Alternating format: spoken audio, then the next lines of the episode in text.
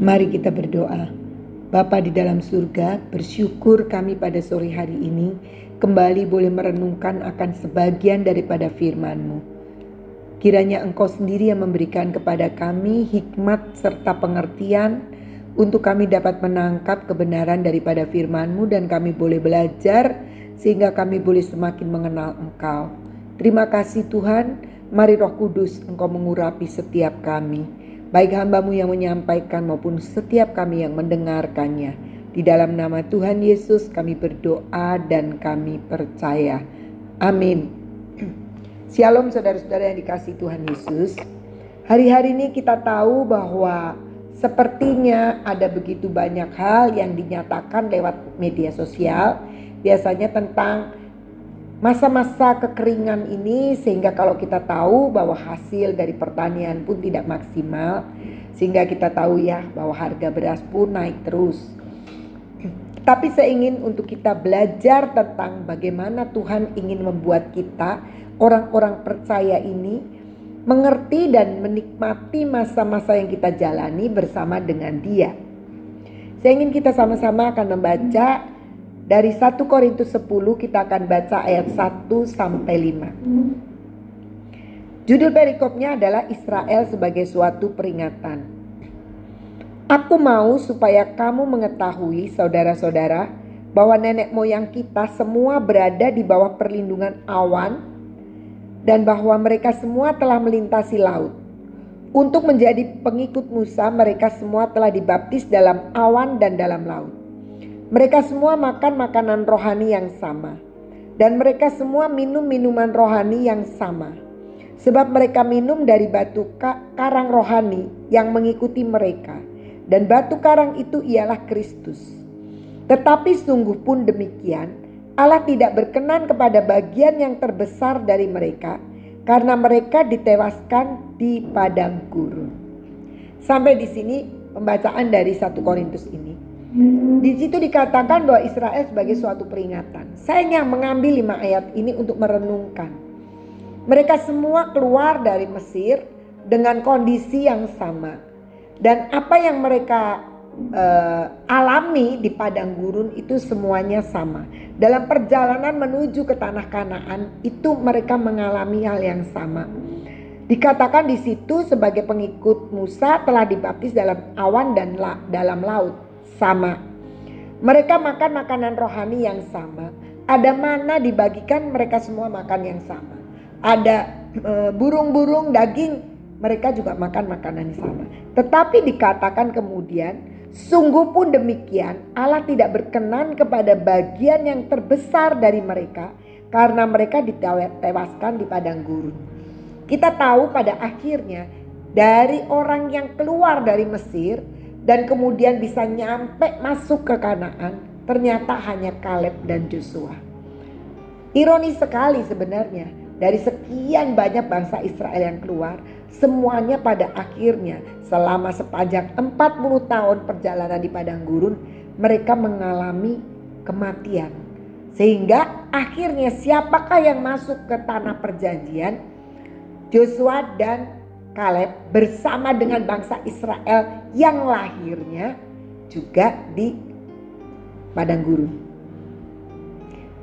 Sebenarnya sangat sayang sekali karena kita tahu bahwa janji itu diberikan kepada orang-orang atau bangsa Israel yang ada di tanah Mesir.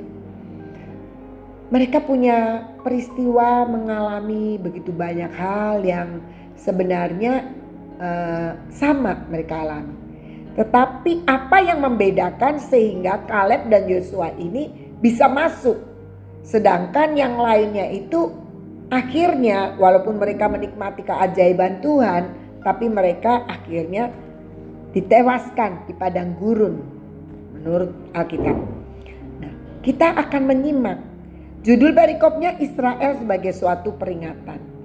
Artinya sebenarnya kita semua yang hidup pada zaman hmm. sekarang ini belajar dari kehidupan orang-orang Israel sehingga kita bisa mengerti kenapa mereka yang sudah mendapat janji untuk masuk ke tanah perjanjian tidak bisa menikmati tanah perjanjian Kanaan itu. Kita tahu pada akhirnya bahwa ternyata bangsa Israel itu bangsa yang tegar tengkuk. Di tengah perjalanan-perjalanan itu mereka benar-benar uh, sering marah-marah sama Tuhan, meragukan Tuhan. Padahal mereka itu melihat bagaimana Tuhan itu punya proses untuk membuat mereka keluar dari tanah Mesir. Firaun tidak begitu mudah untuk melepaskan bangsa Israel. Bahkan kita tahu ada 10 tulah sudah dilalui. Yang membuat pada akhirnya setelah 10 tulah anak-anak sulung dari orang-orang Mesir mati semua termasuk binatang-binatang ternak mereka. Baru kemudian mereka melepaskannya. Dan itu pun pada akhirnya dikejar lagi masih dikejar lagi karena Firaunnya itu sadar lah orang Israelnya lepas dari kita siapa lagi yang akan jadi budak rodi itu kira-kira tetapi kita tahu bahwa itu sebuah proses yang sebenarnya memang Tuhan izinkan terjadi untuk menjadi suatu peringatan buat orang Israel. Selalu Tuhan katakan supaya bangsa Israel melihat, bangsa Mesir tahu siapa Tuhan itu, melihat tanda-tanda mujizat. Sehingga seharusnya ketika bangsa Israel melihat tulah demi tulah itu terjadi dan mereka itu menjadi bangsa yang dibedakan, harusnya mereka itu akan lebih percaya, lebih mantap lagi untuk mengikut Tuhan. Tetapi faktanya ternyata mereka ditewaskan di padang gurun karena ketidakpercayaan mereka. Jadi apa sebenarnya yang terjadi dalam kehidupan orang-orang Israel itu. Kalau kita lihat di dalam Mazmur 103, Mazmur 103 ayatnya yang ke-7 dituliskan demikian. Ia Tuhan telah memperkenalkan jalan-jalannya kepada Musa. Perbuatan-perbuatannya kepada orang Israel. Jadi rupanya sepanjang mujizat terjadi, tanda-tanda terjadi. Bangsa Israel hanya menangkap perbuatan-perbuatan Tuhan. Musa bisa menangkap jalan-jalan Tuhan. Jadi itu sebuah perbedaan yang sangat menyolok yang sebenarnya ketika kita mulai merenungkan maka kita menyadari bahwa sesungguhnya jikalau kita hanya melihat perbuatan-perbuatan Tuhan saja maka kita akan menjadi terlalu mudah untuk kemudian ketika kita tidak melihat lagi perbuatan Tuhan terlalu mudah untuk kita meragukan Tuhan, kurang percaya kepada Tuhan. Dan itu yang terjadi atas bangsa Israel. Karena dikatakan Musa itu yang mengenali Tuhan lewat jalan-jalan Tuhan. Kalau jalan-jalan Tuhan itu berarti proses terjadinya sesuatu keajaiban atau pertolongan yang luar biasa itu menjadi sebuah pembelajaran. Tapi kalau perbuatan itu hasilnya saja. Ketika kita melihat satu hasil yang istimewa, wah kita kagum dengan Tuhan. Kita melihat hasilnya. Apakah tidak boleh? Sangat boleh. Kita perlu kagumi setiap hasil yang dikerjakan oleh Tuhan. Tetapi lebih daripada itu, yang jauh lebih berharga adalah ketika kita mengenali jalan-jalan Tuhan. Jalan Tuhan itu jalan yang ajaib. Jalan Tuhan itu jalan yang tidak bisa diprediksi oleh manusia. Kalau kita melihat apa yang ditulis oleh Rasul Paulus kepada jemaat di Roma dalam Roma 11 ayatnya yang ke-33 dikatakan demikian. Oh, alangkah dalamnya kekayaan, hikmat dan pengetahuan Allah. Sungguh tak terselidiki keputusan-keputusannya dan sungguh tak terselami jalan-jalannya. Jalan Tuhan itu tidak mudah untuk dimengerti tidak terselami. Sehingga kita tidak mungkin bisa menebak akan jalan. Kalau kita tidak mengenali. Karena itu Musa dikatakan kenal dengan jalan-jalan Tuhan. Tetapi kalau bangsa Israel dia melihat perbuatan-perbuatan Tuhan. Jadi ketika ada perbuatan Tuhan yang ajaib Wah bangsa Israel ini akan memuji Tuhan, akan bersorak-sorai, akan menyanjung-nyanjung Tuhan dengan luar biasa. Tapi ketika dia tidak melihat perbuatan Tuhan, belum melihat, maka mereka akan marah-marah meragukan Tuhan. Contohnya, kita tahu ya bahwa satu ketika bangsa Israel ini udah bosan sama mana. Kemudian mereka ada beberapa sekelompok yang mulai memberontak. Kita udah bosen. Kita itu kalau di Mesir enak, bisa makan daging, bisa makan segala macam. Tapi di sini kita bisa kurus kering nih, nggak pernah makan daging lagi. Kenapa begitu? Karena mereka itu tidak melihat Tuhan itu seolah-olah sepanjang mereka tidak makan daging, mereka tidak melihat bahwa Tuhan itu sanggup untuk menyediakan daging dan mereka mulai ngomel, mereka mulai meragukan ini Tuhan ini pengen kita dibawa mati di padang gurun dan sebagainya. Karena pengenalan kepada Tuhan hanya sekedar ketika melihat perbuatan-perbuatan Tuhan. Sementara perbuatan Tuhan itu seolah-olah tidak terjadi padahal ada pemeliharaan Tuhan selalu. Tapi tidak seperti yang dia harapkan mulai memberontak. Tetapi kalau kita tahu jalan-jalan Tuhan, maka kita akan terkagum-kagum dan ternyata memang dikatakan bahwa tak terselidiki jalan-jalannya. Kita tidak bisa mengerti, tidak bisa memahami akan jalan-jalan Tuhan. Tetapi kita tahu bahwa jalan Tuhan itu pasti ada dan selalu diberikan kepada kita.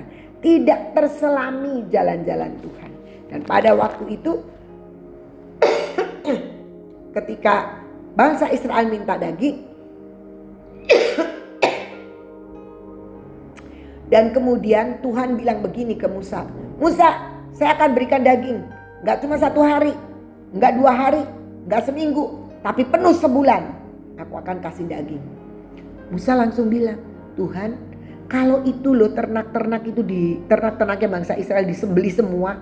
Gak cukup Tuhan. Tapi Tuhan bilang kamu gak perlu itu kamu nanti akan melihat apakah kuasaku kurang untuk membuat itu semua. Musa langsung percaya. Dan apa yang terjadi? Kemudian tiba-tiba ada angin yang membawa burung puyuh. Dan burung puyuh itu berjatuhan sampai banyak. Sehingga semua bangsa Israel bisa makan daging. Kita melihat bagaimana Tuhan itu memberikan daging. Tapi di Kesempatan yang lain, ketika mereka kekurangan air, Tuhan bilang pukul gunung batu itu, maka keluarlah air. Di lain kesempatan lagi, ketika tidak menemukan air lagi, Tuhan bilang ngomong aja. Jadi tidak mukul, ngomong saja. Mari kita lihat bahwa ternyata tidak terselami jalan Tuhan. Bagaimana Tuhan bisa menolong kita, bagaimana Tuhan bisa membukakan jalan buat kita, itu tidak bisa dipolakan. Tapi dia punya cara sendiri untuk menolong kita. Begitu banyak hal dia lakukan. Tulah-tulah yang dikerjakan itu membuktikan bahwa dia bekerja berlain-lainan. Dia selalu ingin membuktikan tanda-tandanya bahwa ini loh Allah yang kamu sembah adalah Tuhan yang hidup. Tuhan yang bisa lakukan segala perkara. Tetapi ternyata bangsa Israel tidak bisa menangkap itu. Kenapa? Karena bangsa Israel hanya berpikir apa yang memenuhi kebutuhannya, apa yang sesuai dengan keinginannya, dan ketika itu terjadi, maka dia percaya itu Tuhan yang berikan. Tapi sementara Tuhan memakai dengan cara lain, maka dia tidak percaya sehingga mati di padang gurun. Tidak melihat tanah perjanjian. Kenapa? Pada waktu Tuhan mengatakan kamu akan masuk ke tanah Kanaan dan kemudian dikirimlah oleh Musa eh, pengintai. Tapi dua pengintai Yosua dan Kaleb setuju dengan apa yang Tuhan katakan. Lebih dari apa yang dia lihat. Sementara sepuluh pengintai mereka mulai memanas-manasi bangsa Israel. Waduh, di sana itu isinya raksasa-raksasa. Kita kayak belalang-belalang. Waduh, memang sih tanahnya subur, hasilnya luar biasa. Tapi kita nggak mungkin mengalahkan mereka. Kenapa? Karena mereka tidak pernah mau mengenali siapa Tuhan. Tuhan yang berkuasa untuk lakukan segala perkara. Sehingga akhirnya bangsa Israel lebih percaya kepada sepuluh pengintai. Dan pada waktu itu mereka tidak mau percaya lagi ke kepada Tuhan sehingga Tuhan bilang mundur kamu yang sudah di depan mata itu mundur. Sekarang kamu harus berkeliling. Seperti 40 hari e, mengintai ke tanah Kanaan 40 hari sehari dihitung setahun jadi 40 tahun kamu akan berkeliling di padang gurun saudara-saudara yang dikasih Tuhan Yesus kita juga sering kali begitu melihat Tuhan bukan dengan cara Tuhan membuat jalan-jalan yang ajaib. Tetapi lebih sering kita terlalu bersuka cita ketika ada sebuah mujizat yang terjadi dan itu merupakan hasil dari karya Tuhan. Saya tidak mengatakan bahwa kita tidak boleh bersyukur atau kita tidak boleh bersuka cita ketika kita melihat keajaiban. Sangat boleh dan perlu kita bersyukur, perlu kita bersorak-sorai dengan perbuatan Tuhan. Tapi mari kita masuk lebih dalam lagi. Mengenali bagaimana Tuhan merealisasi dan bagaimana Tuhan itu menuntun kita untuk kita semakin mengerti bahwa perjalanan hidup kita adalah sebuah proses perjalanan iman.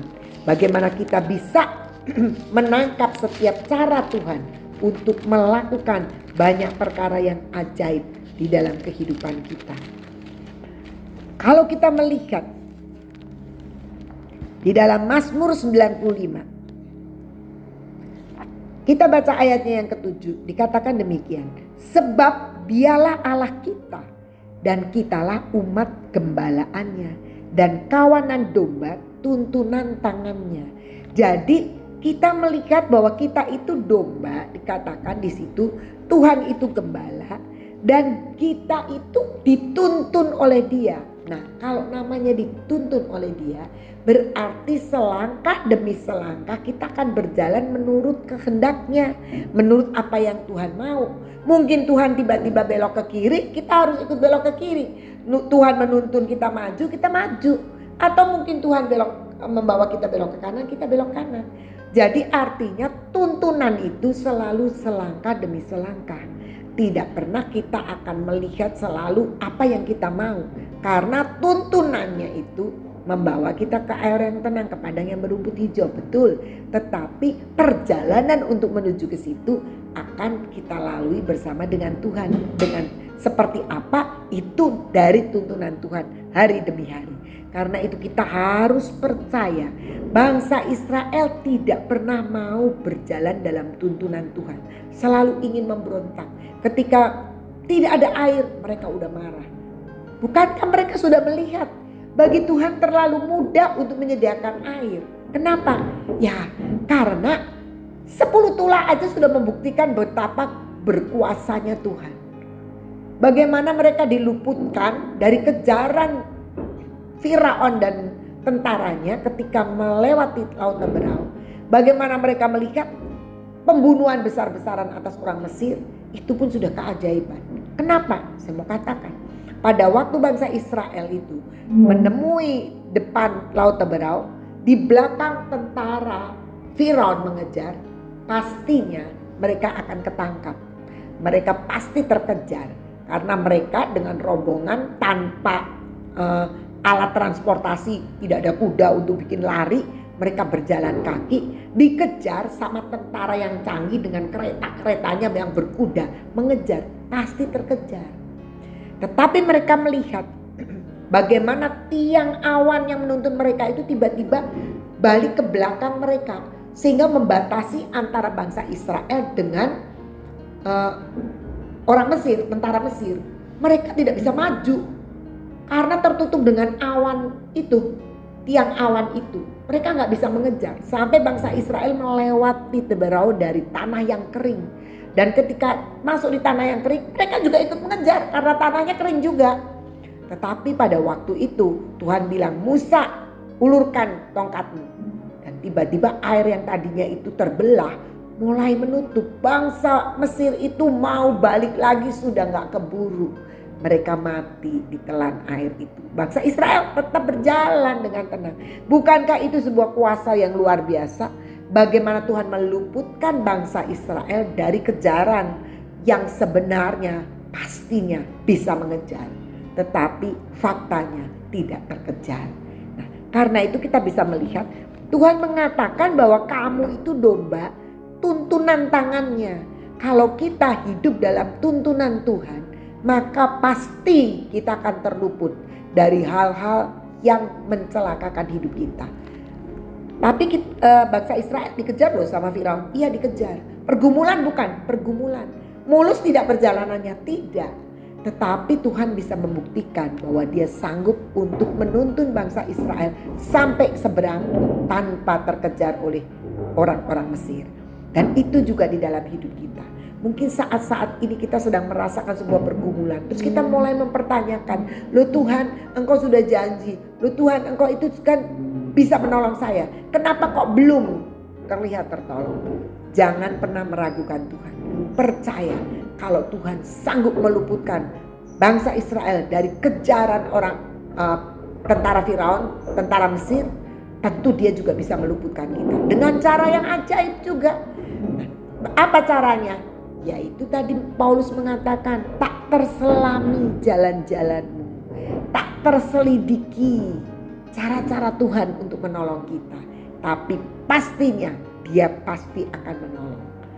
Seringkali banyak orang-orang yang begitu mulai merasakan seolah-olah Tuhan belum menolong, tidak menolong, maka dia mulai meragukan Tuhan.